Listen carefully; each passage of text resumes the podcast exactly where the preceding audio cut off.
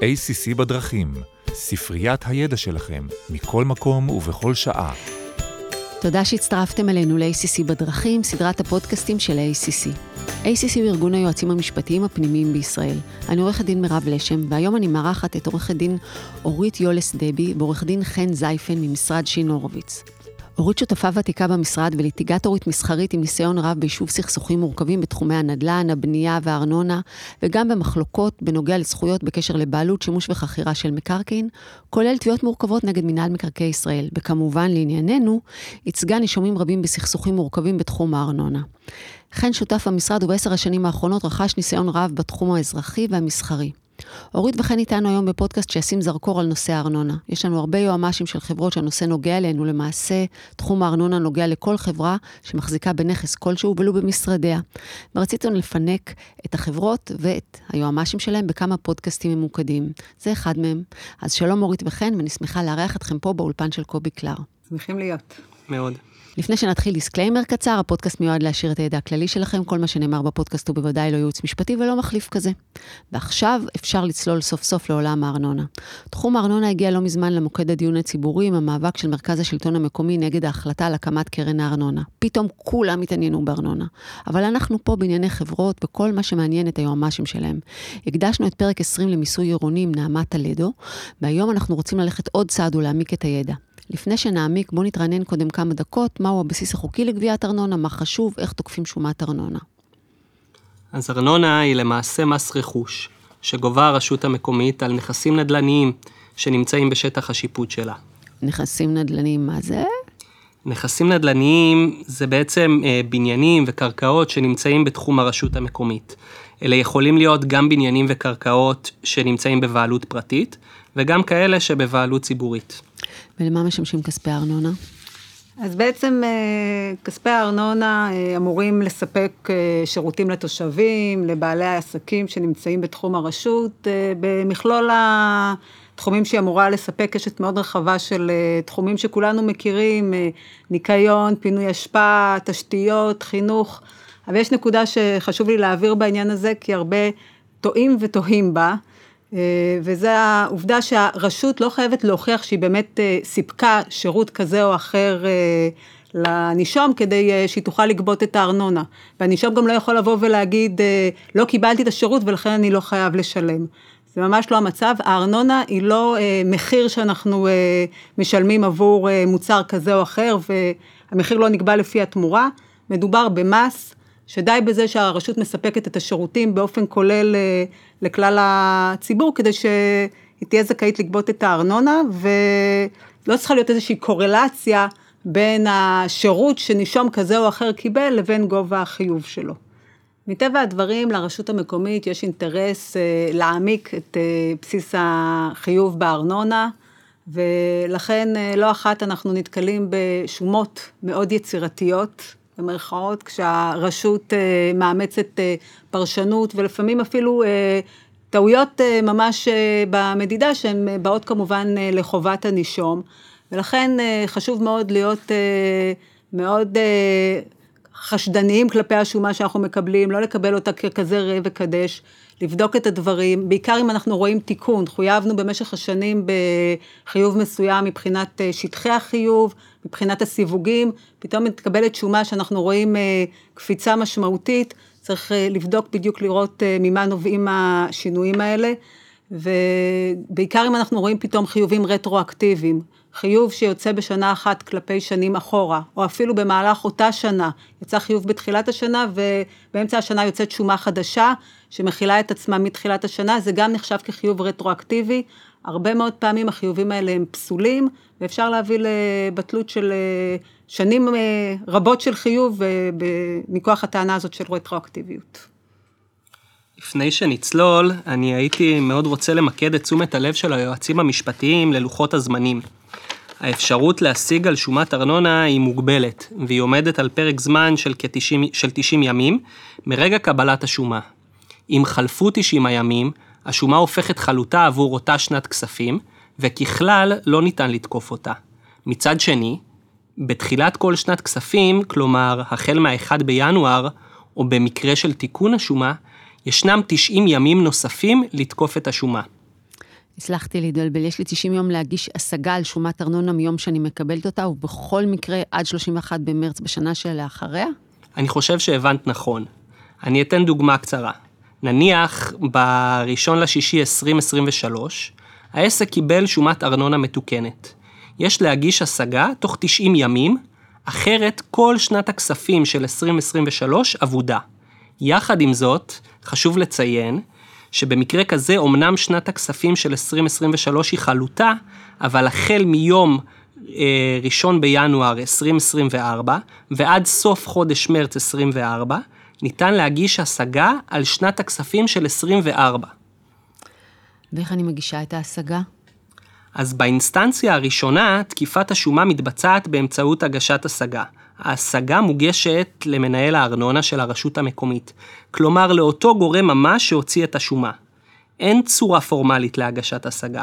כל מכתב לרשות המקומית בנוגע לשומת הארנונה יכול להיחשב כהשגה. יחד עם זאת, כדאי מאוד שההשגה תהיה מסודרת ומנומקת, וזה משני טעמים. אחד, קל יותר למנהל הארנונה לקבל השגה שהיא ברורה ומנומקת, ושתיים, עשויה להיות לכך השפעה בערכאות הבאות, שתכף אה, נדבר עליהן גם כן. עכשיו, חשוב מאוד להדגיש, קיבלתם שומת ארנונה, החלטתם שאתם רוצים לתקוף אותה משפטית, בהשגה, שזה באמת השלב אה, בפני הוועדות ה... אה, הגורמים המעין שיפוטיים, יש טענות שאפשר יהיה להעלות אותן בשלב הראשון רק מול בית משפט, אבל לא ניכנס לרזולוציות האלה כרגע. בכל מקרה, תבדקו מה מבחינתכם הסכום שלא שנוי במחלוקת. תעשו איזושהי בדיקה לראות איזה סכום אתם מודים שאתם צריכים לשלם אותו.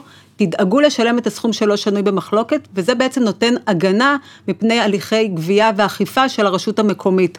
ברגע שאתם נמצאים בתוך הליך משפטי, אחרי ששילמתם את הסכום, עד סוף ההליך אי אפשר לנקוט בהליכים אה, כלפיכם של אה, גבייה או אכיפה.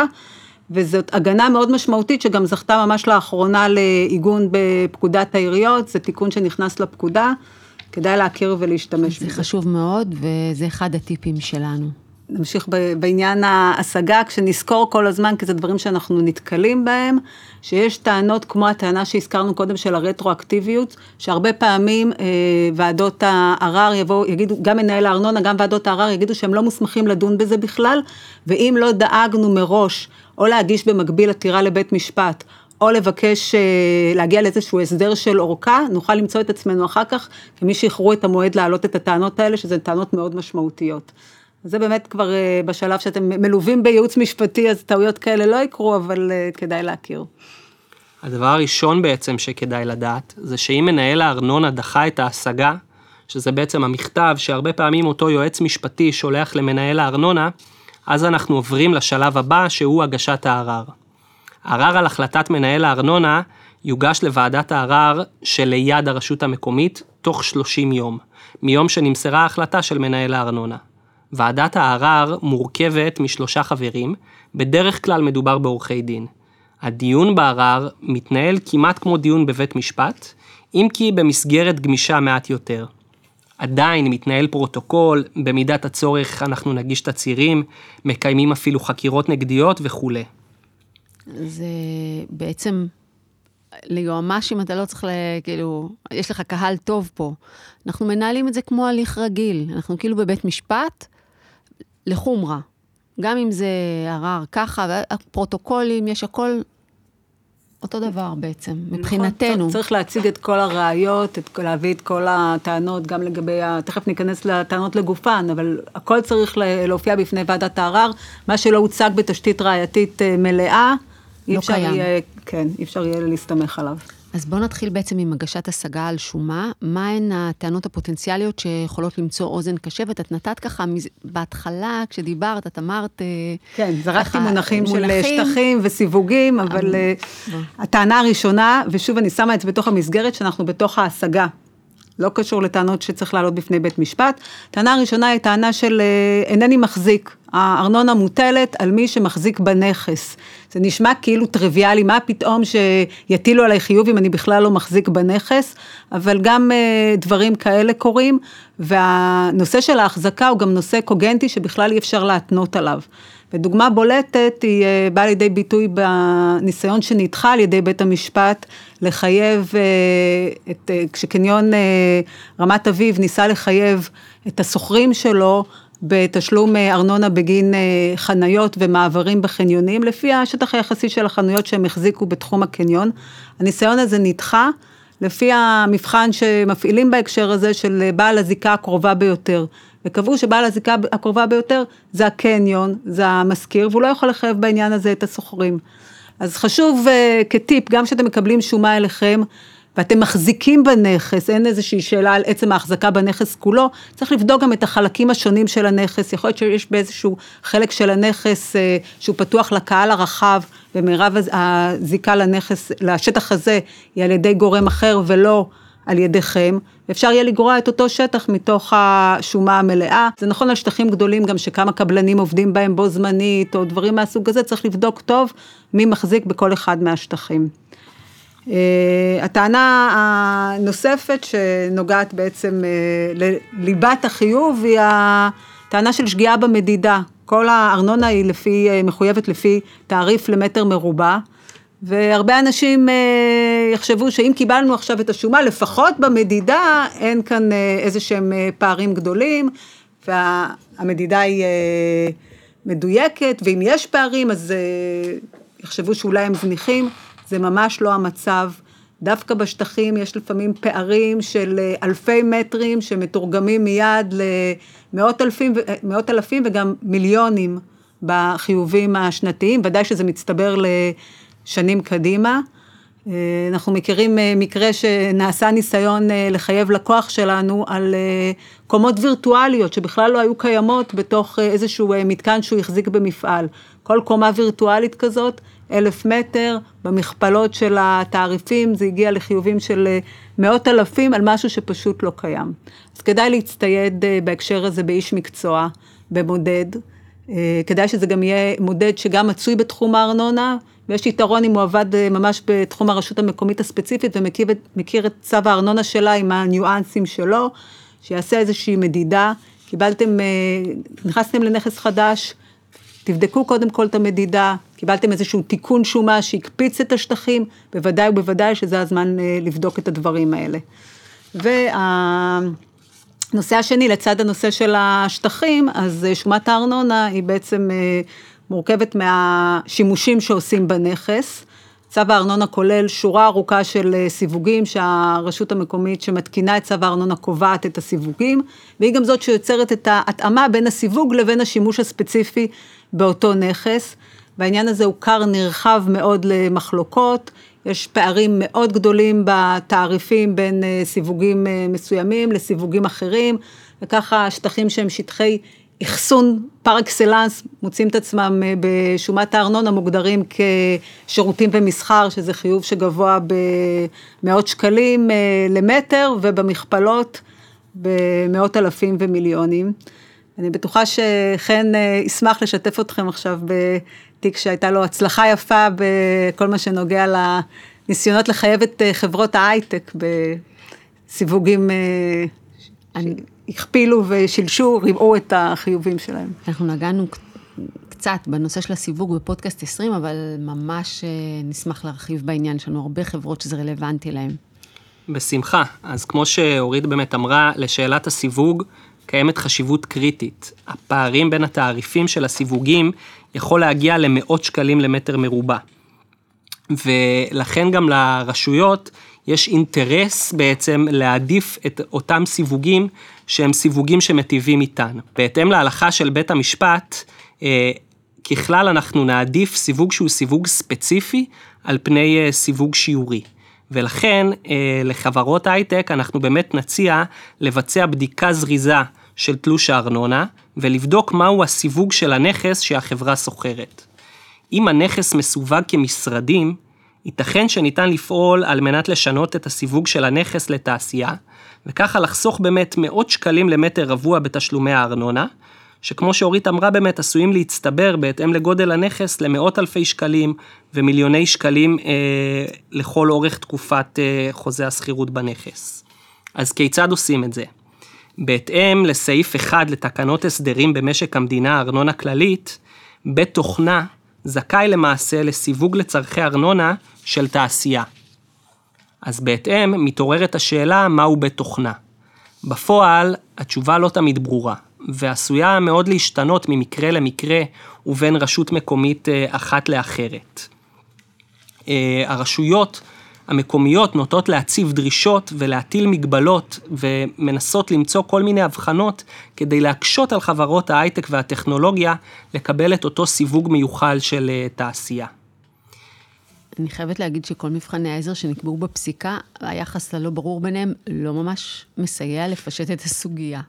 את לגמרי צודקת. אה, בשנים האחרונות ניתן להבחין באיזשהו שינוי של מגמה. בעיקר לאור פסק דין של בית המשפט המחוזי בתל אביב, כמובן אה, בשבתו כבית משפט לעניינים מנהליים.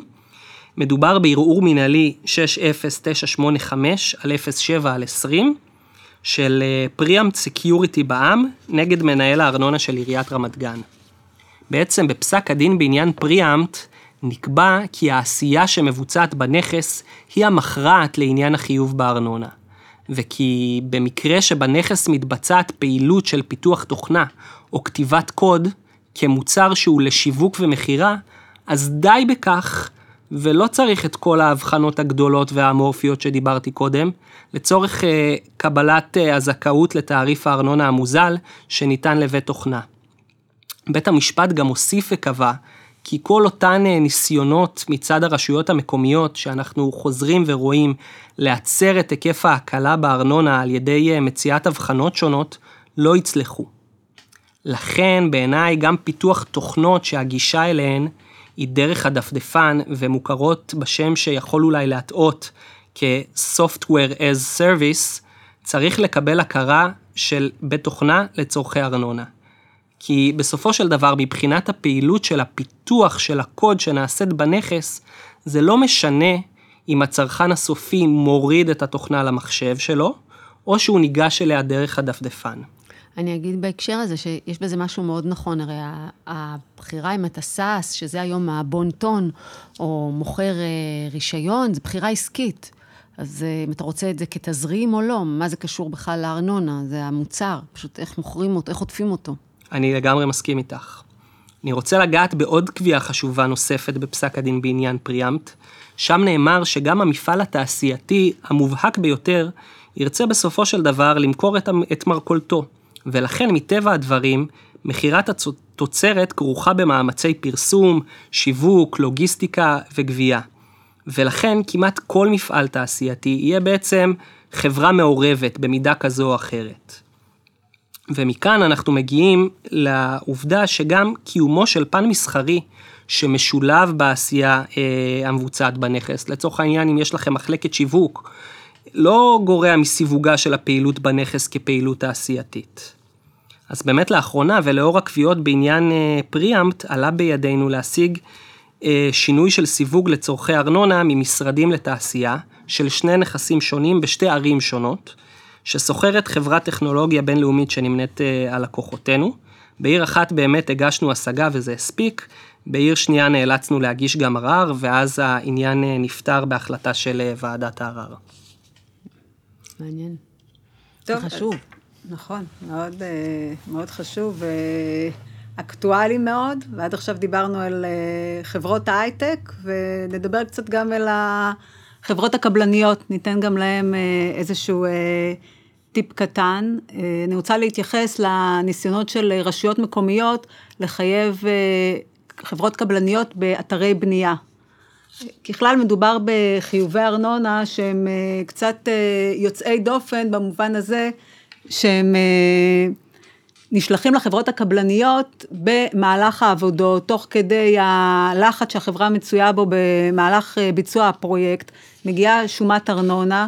שהרבה פעמים אה, עוברת מתחת לרדאר. לא מדובר בנכסים הקבועים של החברה, שהיא יודעת שהיא מחזיקה פה בבניין או בשטחים, וצופה ומצפה לקבל את חיובי הארנונה. ולכן מדובר בחיובים שהרבה פעמים החברה מתפנה לבדוק אותם פעם ראשונה רק כשהפרויקט מסתיים, ואז זה כבר הרבה הרבה אחרי שהשומה הפכה לחלוטה ואי אפשר כבר לעשות שום דבר בעניין הזה. וקרה לי לא אחת שפנו אליי קבלנים עם שומות בסוף פרויקט, שומות של מאות אלפים, מיליונים, והיינו קצת מול שוקת שבורה. אז הטיפ הראשון הוא, התחלתם פרויקט חדש, הגעתם לאיזושהי רשות מקומית חדשה, קודם כל תראו האם יצאה לכם דרישת ארנונה בגין השטחים, שטחי האתר שאתם מחזיקים שם. עכשיו, באופן כללי, שטחי אתר בנייה או הקרקע שמשמשת להקמת המבנה, להקמת התשתית, היא מסווגת כאדמת בניין והיא לא ברת חיוב בארנונה. עד שלא יוקם המבנה, יעמוד על תילו, נוכל לתפוס בו חזקה גם משפטית וגם פיזית, הקרקע הזאת היא לא ברת חיוב. אבל רשויות מנסות לכרסם בדבר הזה, והתחיל איזשהו תהליך שרשויות מנסות לטעון שהשימוש שנעשה בשטחי אתר בנייה הוא לא רק שימוש לצורכי הבנייה, אלא גם שימוש עצמאי, נפרד, שמניב רווח כלכלי עצמאי למי שמחזיק בשטח. לדוגמה, היו טענות לגבי שטחים, כשקוראים חול באתרי בנייה ומערימים אותו בשטחי אחסון. וזה נעשה כחלק מהעבודה השוטפת של העבודה הקבלנית, אבל הטענה הייתה שסוחרים גם בחול הזה ומוכרים אותו, ולכן שטחי האחסון סווגו על ידי הרשות המקומית כבעצם שטחים שמשמשים כרגע, לצורך העניין זה נקרא קרקע תפוסה, כי אתה מניב מהם איזושהי תועלת כלכלית שהיא נפרדת מעבודות הבנייה. וככה יש חתול ועכבר ומייצרים עוד ועוד דברים. הפסיקה כן קבעה שאם אתם נמצאים בשטחי אתר הבנייה, אבל משתמשים בזה לחניונים, או להקמת קרוונים, למגורי העובדים, לשיווק, זה שטחים שהם שטחים שבאמת נעשה בהם שימוש והם ברי חיוב. ולכן צריך מאוד להקפיד ולראות, קודם כל, שקיבלתם את החיוב. ואז צריך לבדוק האם החיוב יצא בגין השטח שמשמש באמת את הבנייה, או שהוא שטח לוואי לפיתוח, תשתיות וכולי, שאז הוא לא בר חיוב.